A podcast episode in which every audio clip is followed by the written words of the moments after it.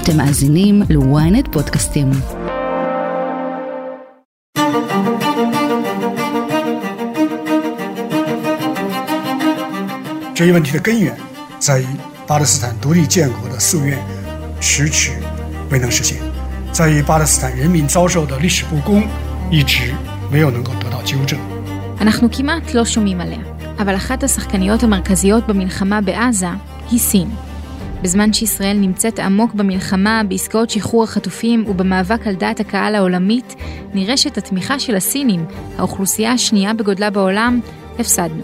Well, China's been describing this situation in Gaza as very serious. It says the outlook for the region is worrisome. 以色列有建国的权利，巴勒斯坦同样有建国的权利。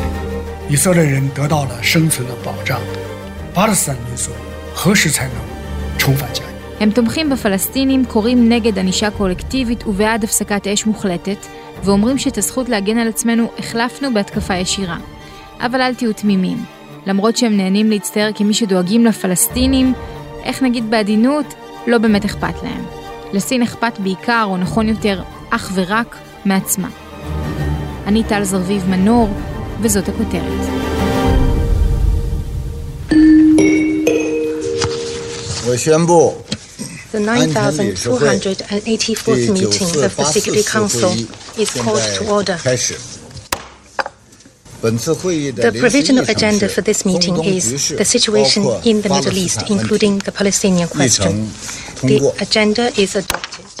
היום מועצת הביטחון של האו"ם בניו יורק מתכנסת לדיון שייערך בנושא המלחמה בעזה.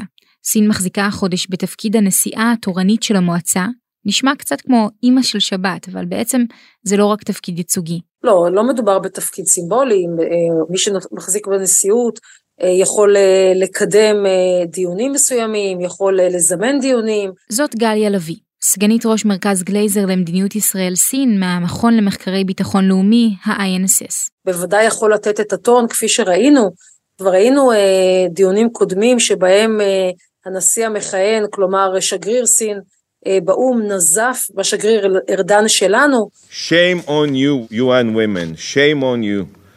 Is UN women not charged with ensuring that, I quote from their website, all women and girls 尊敬的以色列代表，我想提醒你，你可以在发言中完全表达你的不同意见。 שלפי דעתו אה, דיבר בצורה לא מכובדת, אה, נתן לו כמה נזיפות שמה, בהחלט הוא מקדם אה, כל מיני דיונים נגדנו וגם מקדם הודעות אה, גינוי שלשמחתנו ארצות הברית בולמת, אבל אה, בהחלט לא תפקיד סימבולי, תפקיד משמעותי. רצה הגורל, לא פאנפקט כל כך, אבל זה המצב, שגם במבצע שומר חומות, הנשיאות התורנית הייתה בידיים של סין. וכבר אז הם עשו לנו צרות וקידמו הצהרות גינוי, כינסו דיונים נגדנו, היה, היה מאוד לא נעים, בדיוק כמו שזה הולך, אה, כמו שזה קורה עכשיו. ותסבירי מאיפה זה נובע, האנטי הזה לישראל. תראי, זה לא שהסינים הם אנטי ישראלים כמו שהם פרו-סינים. לסין לא באמת אכפת מישראל, ובסוגריים אני אגיד, גם לא ממש אכפת להם מהפלסטינים. אנחנו בשבילם איזה, אתם יודעים, איזה אה, טריטוריה קטנה מרוחקת שנלחמת על איזה חלקת אדמה ששם זה בקושי עיירה קטנה. אה, זה לא באמת מדבר אליהם, אנחנו לא באמת משמעותיים, אנחנו לא באמת חשובים. אה, איפה שהם יכולים לעשות כסף אז הם עושים, ואיפה שלא, לא. ואפשר לראות את זה גם כן, אה, למשל אפילו אם אתם מסתכלים על הפלסטינים, כמה קשרים יש להם עם הפלסטינים. אין השקעות סיניות בפלסטינים, אין תיירות, אין, הסחר שלהם הוא מאוד מאוד נמוך, ביקורים רק כשהם באים לבקר פה. אפילו סיוע הומניטרי שלהם הוא עלוב בהשוואה למדינות אחרות בעולם. זאת אומרת, אי אפשר גם להגיד שהם אכפת להם הפלסטינים. אז אה, זה לא העניין. לסין אכפת מסין, אכפת לה מהאינטרסים של סין, אכפת לה משרידות השלטון ומדעת הקהל שלה אצלה בבית, ודעת הקהל שלה אצלה בבית יודעת בראייה היסטורית שסין תומכת במיעוטים נרדפים, אם תרצי מיעוטים שהרשע האימפריאליסטי שולח את ציפורניו החדות אליהם, בדיוק כפי שקרה לסין, לטענתה, במאה שנות ההשפלה שהיא חוותה מידי הזרים, לאורך המאה ה-19 ועד אה, אה, לתוך המאה ה-20. זה הסצנריו והנרטיב שהמפלגה הקומוניסטית מקדמת וממשיכה, וזה גם המידע, או בוא נגיד הנרטיב שמסופר לציבור הסיני. למרות שהם עצמם רודפים את המיעוט המוסלמי בסין. אל תגלי לכולם, כן? זה, זה כמובן סוד שידוע רק במערב, בסין כמובן שהם לא טוענים שהם רודפים את המיעוט המוסלמי, הם בכלל לא רודפים אף אחד, וגם הציבור הסיני, הרחב הכוונה, לא ממש מודע למה שקורה במערב, במערב המדינה בשינג'יאנג. הוא מקבל לחלוטין את, או לפחות נספר ככה, מקבל את, את הטיעון של המפלגה שמדובר בעצם בקומץ של מיעוטים קיצוניים שמנסים לעשות טרור ולכן הם נוקטים באמצעים נגדם. כל מה שאנחנו יודעים במערב על מיליונים שנמצאים בתוך מחנות ריכוז כאלה וכל הדברים האחרים, כל המידעים האחרים והפרסומים האחרים במערב לא נפוצים בסין, הם לא, לא שומעים עליהם בכלל. ואמרת שלסין אכפת בעיקר מסין, אז בואי נדבר רגע על האינטרסים של סין פה אצלנו, בשכונה שלנו במזרח התיכון, ונצלול לאינטרסים בעיקר הכלכליים שלה פה, ויש לה הרבה. יש לה כאן המון אה, אינטרסים כלכליים, אבל ברשותך אני אעשה רגע אחד מסגרת, אני הייתי אומרת שיש לה שלושה אינטרסים עיקריים. הראשון הוא כלכלי, השני הוא גיאו-פוליטי, גיאו-אסטרטגי, והשלישי הוא תדמיתי. ונתחיל באמת מהראשון, כי כלכלי הוא המשמעותי ביותר. China needs more oil. Local fields don't produce enough, so Beijing has to import half of all its supplies. And that's where the Gulf region comes in. China's oil comes from Saudi Arabia, Qatar, and the United Arab Emirates. And over the next week, Chinese Premier Wen Jiabao will visit all three countries. כמובן ששנים ארוכות סין תלויה מאוד בנפט שמגיע מהמזרח התיכון, סין תלויה גם בסחר שעובר דרך המזרח התיכון, גם של נפט אבל לא רק. כל נתיבי הסחר בעצם אל אירופה ומאירופה עוברים דרך המזרח התיכון, ולכן לסין מאוד חשוב לשמר את נתיבי הסחר האלה פתוחים. לכן היא גם הקימה את מה שנקרא יוזמת החגורה והדרך, ה-Belt and Road Initiative, שבעצם שולחת נתיבי, גם נתיבי מים וגם נתיבים יבשתיים מסין דרך המזרח התיכון בין היתר, או דרך איראן, או דרך רוסיה, דרך כל מיני מקומות, אל אירופה. והנתיב הימי מן הסתם עובר דרך תעלת סואץ, לסין יש גם הרבה מאוד השקעות במזרח התיכון, במדינות המזרח התיכון מעבר לישראל, גם בנמלים, גם ברכבות, בשדות תעופה וגם בהייטק, בתחנות חלל, במפעלים, כמעט בכל נושא שהוא יש לסין נגיעה במזרח התיכון, קשרים כלכליים הדוקים מאוד, יש להם גם הרבה אנשים שעובדים פה במזרח התיכון, וזה אינטרס ראשון במעלה של סין, וכמובן כל התלקחות אזורית פה, כל מלחמה כאן, כל הפרעה לשרשרת האספקה, שרשרות האספקה האלה, או לדרך שבה סין יכולה לקדם את הכלכלה שלה, בין עם היבוא ובין עם הייצור, זו הפרעה משמעותית מאוד לסין. אז אפשר היה להבין שאולי המלחמה בעזה נורא נורא תעשה לה רע. אבל כאן נכנס ההיבט הגיאופוליטי או גיאוסטרטגי, המלחמה בארצות הברית. We are in an era of challenges and changes. The world needs China and the United States to work together for a better future. We, the largest developing country, that is China, and the largest developed country, the United States, we must get along with each other. העימות, או לא, לא ממש מלחמה, אבל בוא נגיד התחרות החריפה הזאת, ההולכת ומחריפה בין סין לבין ארצות הברית. סין מנסה לצייר את ארצות הברית כמעצמה אה, בירידה, שנסוגה מהמזרח התיכון, שבכלל היא מחרחרת ריב תמיד, והיא המקור לכל הבעיות בעולם, והנה סין באה להראות אלטרנטיבה טובה יותר, דרך טובה יותר לאיך פותרים בעיות. רגע, אז יש פה איזושהי התנגשות של אינטרסים, כי מצד אחד אמרת שלסין, כמו לארה"ב, יש איזשהו אינטרס לשמור על יציבות במזרח התיכון, והתלקחות אזורית פירושה אי יציבות ארוכה, והמשמעות כמובן זה פגיעה בעסקים של סין במזרח התיכון, אז איך היא פועלת נגד ארה"ב שמנסה להשיג את אותו הדבר? אז, אז זהו, זה, זה באמת מעניין, אני חושבת ש... סכסוך בעצימות נמוכה הוא טוב לסין. כי מצד אחד הוא לא באמת פוגע בשרשרות אספקה, עד עכשיו בינתיים עוד אין פגיעה בשרשרות אספקה, הכל עובד כמו שצריך. יחד עם זאת, עצם קיומו של הסכסוך בהיקף מוגבל, משרת את סין שיכולה רטורית לבוא ולהגיד, הנה תראו את ארצות הברית, היא זו שבגללה יש את הבעיות, היא זו שעושה את הצרות, אנחנו מוצאים דרך אחרת, אנחנו קוראים לכולם לבוא לשולחן המשא ומתן, ובואו נשב ונדבר, ולא צריך לפעול, ולא צריך, בטח לא להביא נושאת מטוסים לכאן, ובטח לא לשלוח חימושים, כי זה רק להוסיף בעצם עוד שמן למדורה.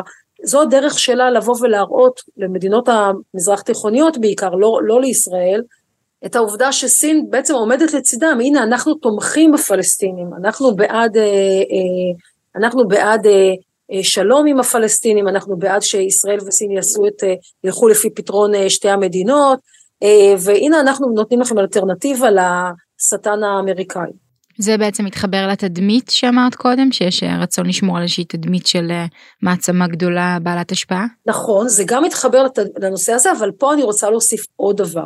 בתקופה האחרונה, בשנתיים האחרונות, סין מטפחת לעצמה גם תדמית חדשה של פותרת בעיות ומתווכת בסכסוכים עולמיים, והיה לזה איזשהו, הייתה לה הצלחה מסוימת בהסכם שנחתם בין איראן לסעודיה, אמנם סין לא טיווחה בו, אבל סין נכחה במועד החתימה, נקרא לזה ככה. And Saudi Arabia are restoring their diplomatic relationships for the first time in seven years. The Chinese government, which has been trying to strengthen its political and economic influence around the world, helped broker the deal during four days of secret talks.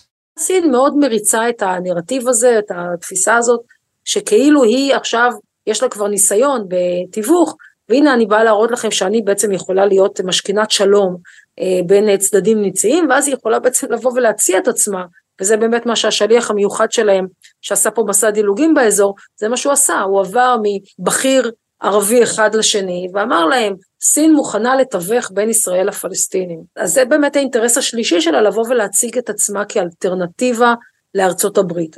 ואיך העולם הערבי מקבל את ההצעה הזאת? אז זה באמת מעניין, כי בוא נגיד ככה, סין מתייחסת למלחמה הנוכחית בעזה כאל עוד אחד מהסיבובים שהיו לנו בעבר. עוד, אה, עוד התלקחות שעוד מעט תירגע והכל בסדר. בעיניי סין נכשלה לחלוטין בהבנת עוצמת הפגיעה של uh, התקפת חמאס. הם לא הבינו מה קורה שם, הם חשבו שעוד הפעם איזושהי פעולת טרור נקודתית, הישראלים יזרקו כמה פצצות, יעבור אחרי חודשיים ואחרי שבועיים ויגמר. אבל מה שהם לא הבינו זה באמת א', את עוצמת הפגיעה בישראל, ב', את סוג המעשים שחמאס עשה, הרי זה נוגד אפילו את האסלאם. מדינות אסלאמיות הזדעזעו בעצמן. מדינות אסלאמיות שסין רוא, רוא, רוצה בעיקרן, כן? איחוד האמירויות, סעודיה, מצרים, בחריין, גינו את חמאס או בפה מלא או במשתמע. את המעשים שלו, את, ה, את, את הארגון עצמו, הם בוודאי ישמחו שחמאס אה, אה, לא ישרוד כאן. אה, וסין פספסה את הדקות הזאת, ואז היא מצאה את עצמה פתאום במחנה הלא נכון, זה מחנה שלא נכון לה, עם מדינות כמו רוסיה, סוריה, איראן, מדינות שכביכול, אה, אה, לא כביכול, תומכות בטרור. זה מנוגד לחלוטין לתדמית הסינית של אה, סין כשוחרת שלום. ולכן זה לא נוח לה. ולא רק זאת, המדינות הערביות שסין רוצה להשתייך אליהן, רוצה להראות להם, הנה אני חשוב, חשוב לי להיות איתכם, אני רוצה, רוצה אתכם איתי, אני תומכת בכן, הן בעצם נמצאות בצד השני. עוד מצטרפות עכשיו דווקא לארצות הברית, הנמסיס של סין בעצם, ובעצם נוצר כאן מצב אבסורדי, שסין לא צפתה אותו כנראה מראש, ולכן היא במידה מסוימת מפסידה מהמלחמה הזו, למרות שהיא סכסוך קטן יחסית בינתיים. ואנחנו רואים גם שאנטישמיות בסין הולכת וגוברת. כן, בהחלט, זה אחד האספקטים הפחות נחמדים במלחמה הזו. אנטישמיות בסין הייתה גם בעבר, במידה מאוד נמוכה. פה ושם היו אמירות של פקידים, ייחסנו את זה בעיקר לחוסר הבנה של מה ההבדל בין ישראלי לבין יהודי, או אולי אי הבנה תרבותית כזו או אחרת, אבל היו כאלה דברים עם הזמן. הפעם ישנה עלייה מטורפת של פוסטים אנטישמיים ברשתות החברתיות הסיניות. סרטונים נגד ישראל, זה הכל אנטי ישראלי ואנטישמי ביחד. כאשר העצוב מכל העניין הוא שהמפלגה הקומוניסטית שיש לה את היכולת לעצור את זה לא עושה שום דבר, הפוך אפילו. הם חוסמים פוסטים פרו-ישראליים, חוסמים חשבונות של אנשים שמפרסמים אה, מידע, אה, פוסטים פרו-ישראליים, אה, מגבילים את התפוצה של פוסטים כאלה, ומנגד מאפשרים ללא הפרעה בכלל פוסטים אנטישמיים ברמה הכי הכי הכי קיצונית שרק יכולה להיות, ולא עושים שום דבר נגד זה. עצוב מאוד, וצריך לקחת את זה בחשבון, סין היא כבר לא המדינה הלא אנטישמית שחשבנו שהיא. You didn't want to get involved in the Ukraine conflict militarily for obvious reasons. Are you willing to get involved militarily to defend Taiwan if it comes to that? Yes. You are? That's the commitment we made. The idea that that it can be taken by force is just not appropriate. It will dislocate the entire region and be another action similar to what happened in, in Ukraine. ויש עוד זווית, ארצות הברית הבטיחה לתמוך בטיוואן במקרה שסין תתקוף שם.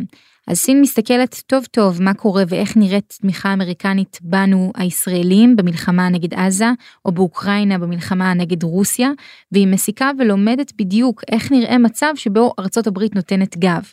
בלי להיכנס לשאלה האם סין בכלל מעוניינת לפלוש לטיוואן או לא, אה, אין ספק שבתפיסה הסינית עד היום היה שאם ארצות הברית מסובכת במלחמות שהן רחוקות מסין, אז זה מועיל לה. טוב לה שהיא, גם בלי קשר לטיוואן, טוב לסין שארצות הברית לא נמצאת בשכונה שלה, ואז היא יכולה לעשות את מה שהיא רוצה בים סין הדרומי, אה, או בוא נגיד עם פחות התנגדויות.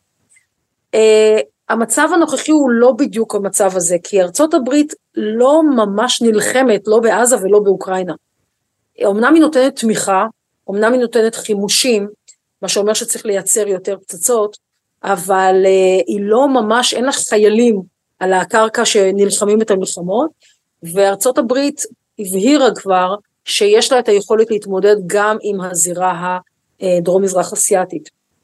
Uh, אנחנו כן רואים עדיין פעילויות של, uh, של הצי האמריקאי בים סין, סין הדרומי, בדיוק מהסיבה הזאת, כדי להראות לסין, לא הלכנו, אנחנו פה, לא נעלם כל כך בקלות ואנחנו לא, אה, אה, שלא תחשבי שאת יכולה עכשיו לעשות מעשה כלשהו, ויש עכשיו הרבה מאוד ויכוחים אה, ועימותים כאלה קטנים בין סין לפיליפינים למשל, וארצות הברית חד משמעית יצאה בהצהרות, שלחה אנשים, שלחה גם כן אוניות לסייע, הנוכחות שלה בים סין הדרומי ובסביבת סין בכלל לא יורדת. אם, אם סין חשבה להסתמך על כך, אז אה, נכון על האכזבה. גליה לביא, המון תודה. תודה לך.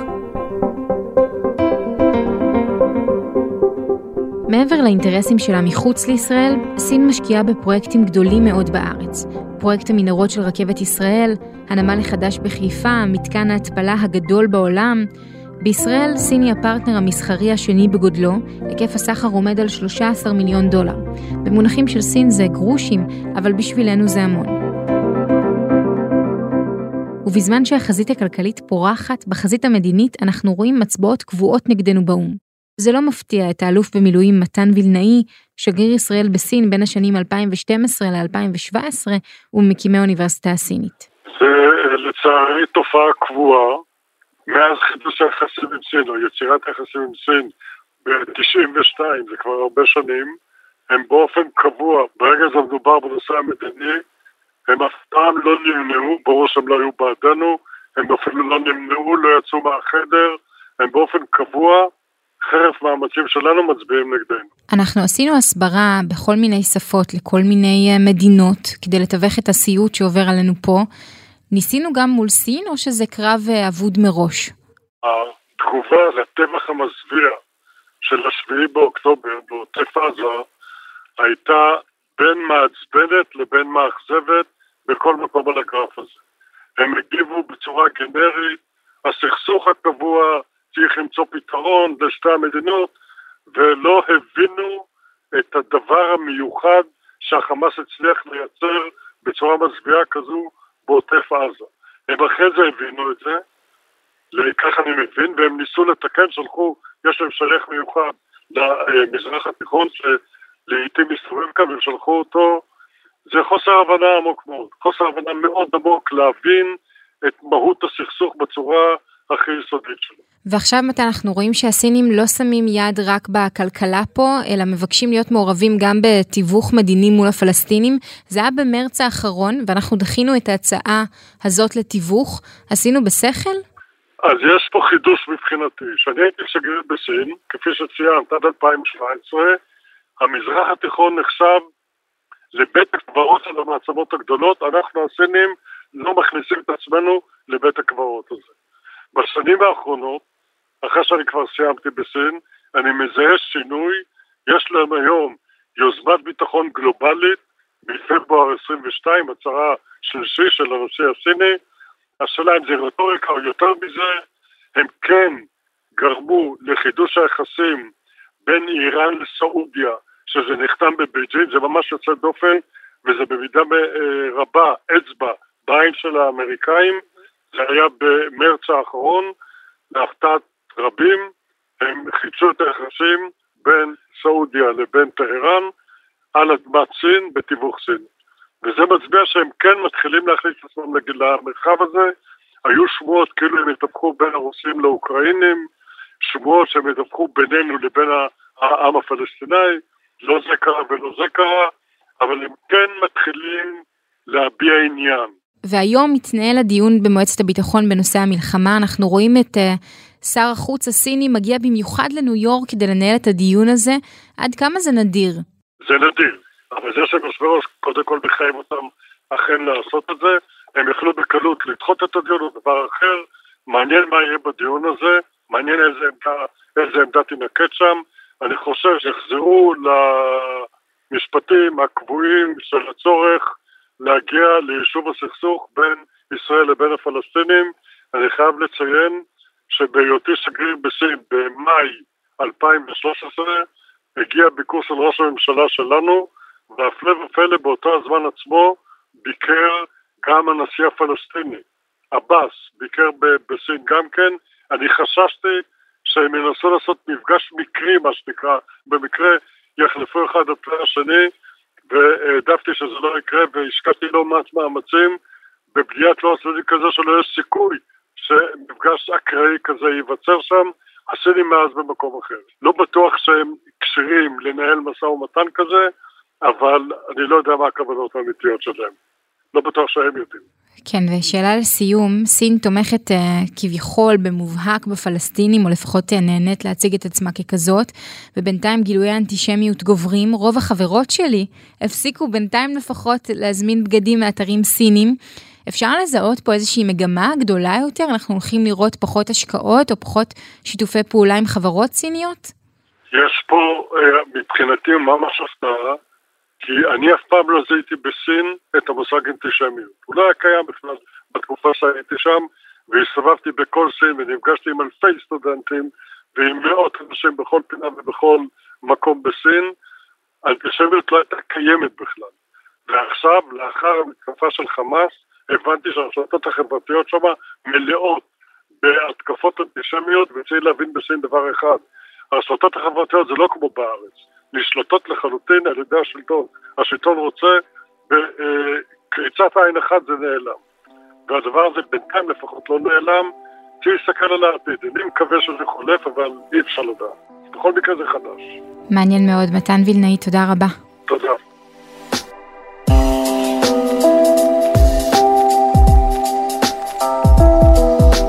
ועד כאן הכותרת להפעם. אם עדיין לא נרשמתם לעקוב אחרינו באפל או בספוטיפיי, אז קדימה, תעשו את זה. מוזמנים גם לדרג ולהגיב לנו איזו הזמנה שווה וזולה מסין אתם ביטלתם.